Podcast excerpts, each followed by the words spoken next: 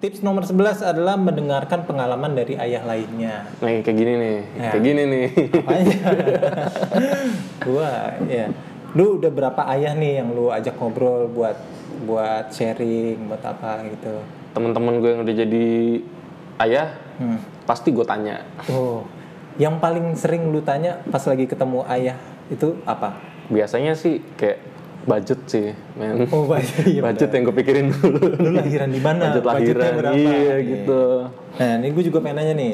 Lu pas lagi menentukan uh, rumah sakit mana yang lu pengen bini lu melahirkan di situ, it, lu ngelihatnya dari apanya, Net? Nah ini lagi-lagi ya, karena lagi pandemik gini, jadi kebetulan kemarin sepupu gue ada yang baru ngelahirin istrinya. Hmm. Jadi gue ngekor aja sama dia yang lihat kata dia emang rumah sakitnya ada rumah sakit Vitalaya ya kalau misalnya buat yang tinggal di daerah Tangerang Selatan Ah. sekitar situ. Vitalaya. Katanya sih emang bagus, servisnya bagus. Jadi ya udahlah ngapain gue nyari yang ribet. Oh. Nah, ini kan lu kan tadi sempat bilang karena di pandemik ini kenapa lu akhirnya milih itu karena ada hubungan sama pandemiknya?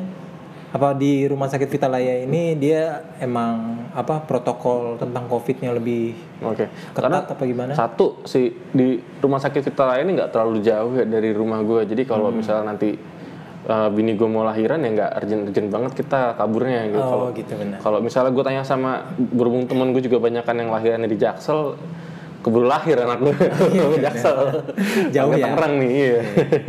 Tapi kemarin eh, apa adek gue juga baru lahiran kan kemarin. Gue tanya kenapa dia milih rumah sakit itu. Dia dia lahir di rumah sakit Bintaro Premier situ. Hmm. Nah, eh, kata dia protokol di situ emang ketat. Hmm. Jadi dia itu bener-bener yang masuk eh, apa? Yang masuk itu pasien-pasiennya cuma boleh di- ditemenin sama satu orang doang. Masuk di rumah sakit bersalin deh kan. Kemarin sepupu gue juga gitu, dia nggak boleh naik malah. Nah pas lagi gua ke rumah sakit Muhammadiyah, bener juga di rumah sakit Muhammadiyah itu cuman diukur eh, apa tensinya sama cuci tangan aja, tapi nggak di nggak dibatasin. Hmm. Tapi emang rumah sakitnya masih kosong sih, gitu lah.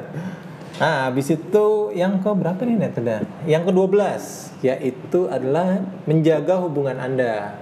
Dengan Eh, istilahnya apa? Menghindari yang kayak cekcok-cekcok. Hmm, iya iya iya iya. apa? iya. Nah, lu sempet cekcok gak nih selama bini lu hamil ini? Alhamdulillah nggak coy. Gue udah setahun nggak berantem sama bini gue. Setahun berarti dari sebelum hamil juga ya? Dari sebelum hamil. Gue nggak tahu. Padahal sebelumnya setahun kemarin tuh gue berantem mulu. gitu ya. Kayaknya Cica eh Ica udah mulai bisa beradaptasi mungkin ya. Dan lu Adaptasi. juga udah Untungnya. Iya. Karena karena bener nih guys, ada ada orang yang bilang kalau pernikahan itu bukan menerima apa adanya, tapi bisa beradaptasi atau enggak. Yoi, betul. Lanjut, berarti yang ke-13. Yang ke-13 ini adalah sering-sering biarin ibu beristirahat. Sering. ini dari sebelum hamil Sering banget. sering istirahat. Iya. Iya. Sama bini gue juga hobinya adalah istirahat. dia, dia suka leye-leye. Walaupun yang sering sering tidur tuh gue. Tapi kalau sering istirahat tuh bini gue. Dia doyan banget leye-leye. Buka iPad, ya kan? Langsung Nonton YouTube. drakor. Habis itu Apa lagi, lakukan pekerjaan rumah tangga udah yang tadi. Nah, yang 15 ini adalah bekerja seperti tim. Ini mungkin eh, nyangkut paut juga sama jaga hubungan Anda kan. Hmm. Jadi nggak perlu kita bahas lah ya. Nah, yang ke-16 nih, nikmati momen menjadi ayah. Wis. Itu yang gue tunggu-tunggu itu. Nah, jadi pas lagi gue baca-baca, ternyata kayak semacam lu geladiras geladiresik untuk menjadi ayah gitu. Hmm. Nah, lu udah berapa udah kayak gimana nih persiapannya nih? Lu kayak nanti pas lagi lahir gua apa gue belajar gendong, gua berani untuk megang orok atau gimana gitu. Nah, kalau yang gue baca-baca ya Hmm. dari artikel-artikel di internet itu, yang paling gue yang paling gue pentingin banget sih gimana pas prosedur pas mau melahirkannya sih Ken. Oh, prosedur pas. Kadang kan itu lumayan apa krusial tuh ya. Iya. Kalau misalnya yang lain penting juga sih pelajarin sih, cuman bisa kita pelajarin ongoing lah Iya. kali. tapi tapi gue pengen nanya, lu udah berani eh, dari sebelum sebelum lu ya bini lu hamil lah ya, lu udah udah pernah belum gendong bayi bener-bener yang baik gitu. Bener-bener Nah. yang baru tiga bulan empat bulan gitu lah gue dari gue SMA tuh udah ngomong bayi ponakan gue iya? iya ma bapaknya kerja gue ngomong. Jadi ya udah lumayan biasa lah tangan gue sama bayi lah.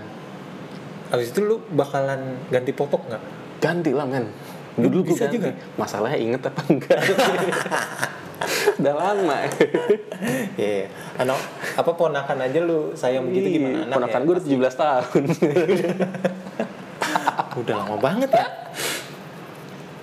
Iya, ya bisa jadi lu pas lagi saat itu belum jijik, sekarang jadi jijik ya. iya kali Gue gue sampai sekarang aja gue ganti. Kalau misalkan dia masih pipis, gue masih oke. Tapi kalau misalkan eh, dia dia buang air besar, dia boker, itu tuh gue gue bukan masalah gue bukan masalah jijiknya net justru.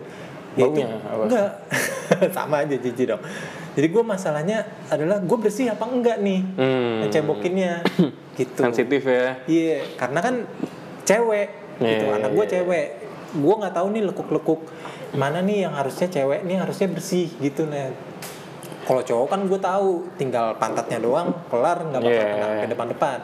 Nah kalau cewek kan dia belipet gitu kan depannya. Iya. Nah gue nggak tahu tuh ada masuk-masuk ke dalam itunya apa gimana. emang lu nggak nanya bini lu Nanya sih gue ngeliatin sih kalau dia lagi bersihin cuma eh gimana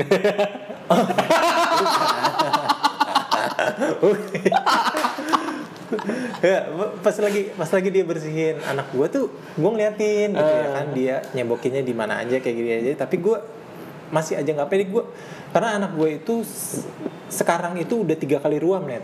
Oh. Iya. Gitu? Ini yang paling parah nih sempet sampai berdarah soalnya. Serius lu? Iya. Lu ini kekencengan kali? Enggak bukan karena gua. Oh. Jadi pokoknya tiba-tiba ada ada merah, abis itu kayak kayak apa kayak lecet. Biang keringet gitu ya Enggak, kan kalau kayak kapalan tuh kita kayak ada ada lapisan gitu kan di atasnya. Ah, ah. Nah, ini kayak lecet gitu, lecet gitu kan. oh Nah, pas lagi udah mulai kering, lecetnya itu udah mulai pecah, nah itu keluar darah.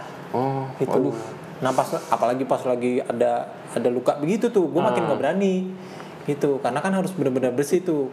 Takutnya, ini kan anak gue nih mulai makan nih, kan? Hmm. udah mulai makan-makan bener-bener makan, udah mulai MPASI. Takutnya gara-gara makanan, gara-gara buah asam-asam Hmm. gitu. Jadi pas lagi boker eh, apa ada zat-zat asamnya yang kena ke kulit nggak nggak cocok gitulah masih masih adaptasi gitu. terus ngobatinnya gimana lu Iya akhirnya beli beli beli salep salep ruam gitu deh. hmm. Sempet sempet sampai ke dokter juga tuh pas lagi jadi pas lagi pas lagi adik gua lahiran di Bintaro Premier itu jadi sekaligus jenguk gue juga sekaligus apa oh pas lagi gue pengen jenguk ternyata nggak boleh jenguk. Hmm. jadi gua sekalian aja deh periksaan Konsultasi. anak gue gitu ke dokter anak di situ. Akhirnya dikasih salep akhirnya sembuh. Nah ini nih net. Ini juga ada nih tipsnya juga.